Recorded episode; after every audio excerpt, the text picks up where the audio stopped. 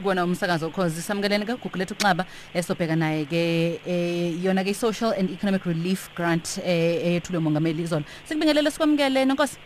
Ngiyabonga umlombo ayandawo njengwana balale ngiyabingelela kakhulu. Mhlawumbe angilungise la ukuthi social relief effort eh nge nge nge nge-stimulus package le ka 500 billion. Mhlawumbe nje oqala umbuzo eh nonkosi.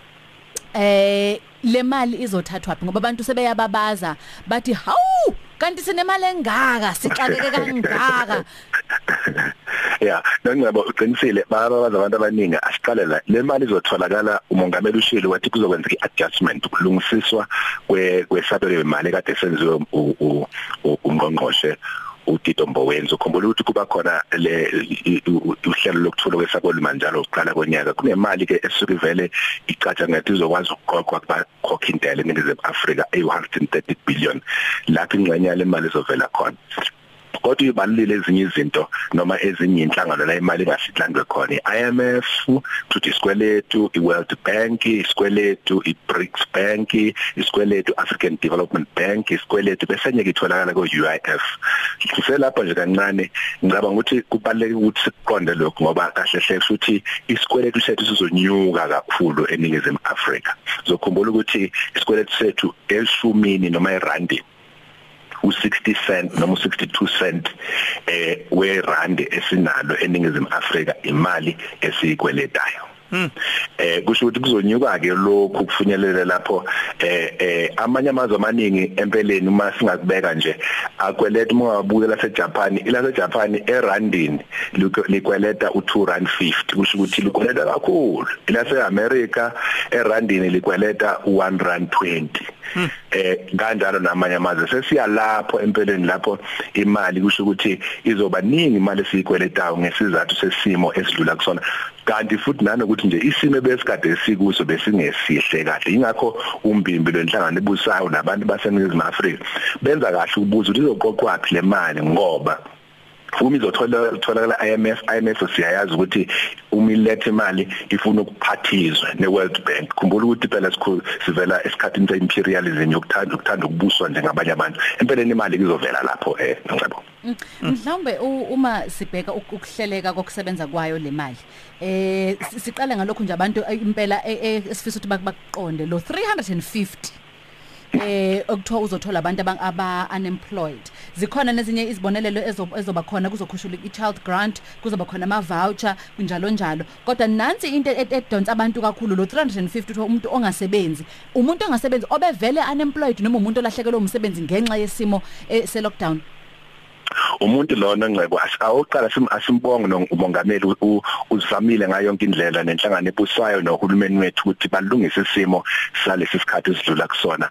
Eh kunzima nakubona and akuyona into elula ukuthi babalansise sonke isimo eningizimu Afrika njengoba sazi ukuthi vele njengoba besingishilo asisona isimo ebesivele sisihle ngaphambilini. Eh le mali oyishoyo nongcebo izobe ku abantu abangasebenzi inhlobo eh uzokhumbula ezinye inhlangano ezikhona eParliament beyilokhu ziyifuna ukuthi abantu ababe nokuphila bakholayo eh izobe ibhekelela abantu abangatholi sanhlobo eh imali abangasebenzi futhi hayi kade bediliziwe ngoba kade bediliziwe bazobhekelela ngaphansi kohlelo lwe UIF Unemployment Insurance Fund.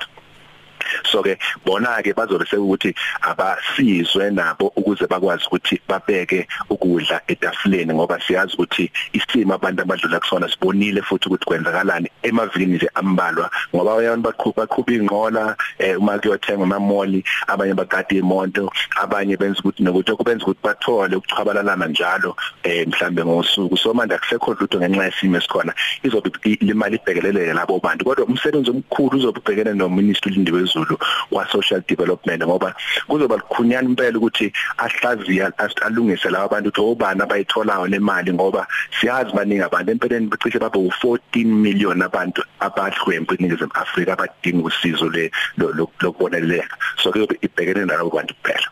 Ngiyafisa nonkosi eh ngelinye ilanga ke siyibheke indaba yokuthi uma kukuthiwa i-indebtedness yethu izokhula njengeningizimu Afrika lokho kunomthelela ezintweni eziningi kunomthelela kuma investment kunomthelela ekutheni sikwazi ukuthi siboleke imali masiqhubeka siya phambili kunomthelela nje ezintweni eziningi ezohamba zihambe zibe nomthelela kona umnotho wonkane izinto engicabanga ukuthi zibalekile lezo kodwa emva kokuthi sesizwe eh eselihlakaze lonke uhlelo uTito Mboweni.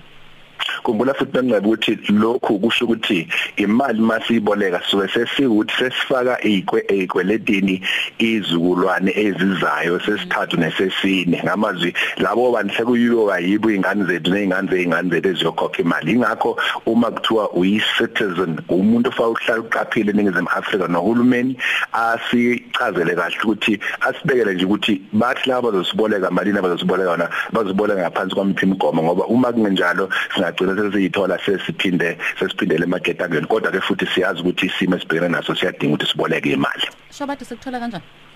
Eh kusenjalo amandla omnotho.co.za so poster nje kuningi kule website ukuze abantu balokhu bebheka befunda nezinye izinto ezingama articles ezihambisana nokuthi enhloboni yesikhathi esikuso lesi nabantu abafanele ukuthi eh bakonde kabanzi ngegeopolitics bese kuba ke iWhatsApp yethu ithi 08 222 52217 Shobade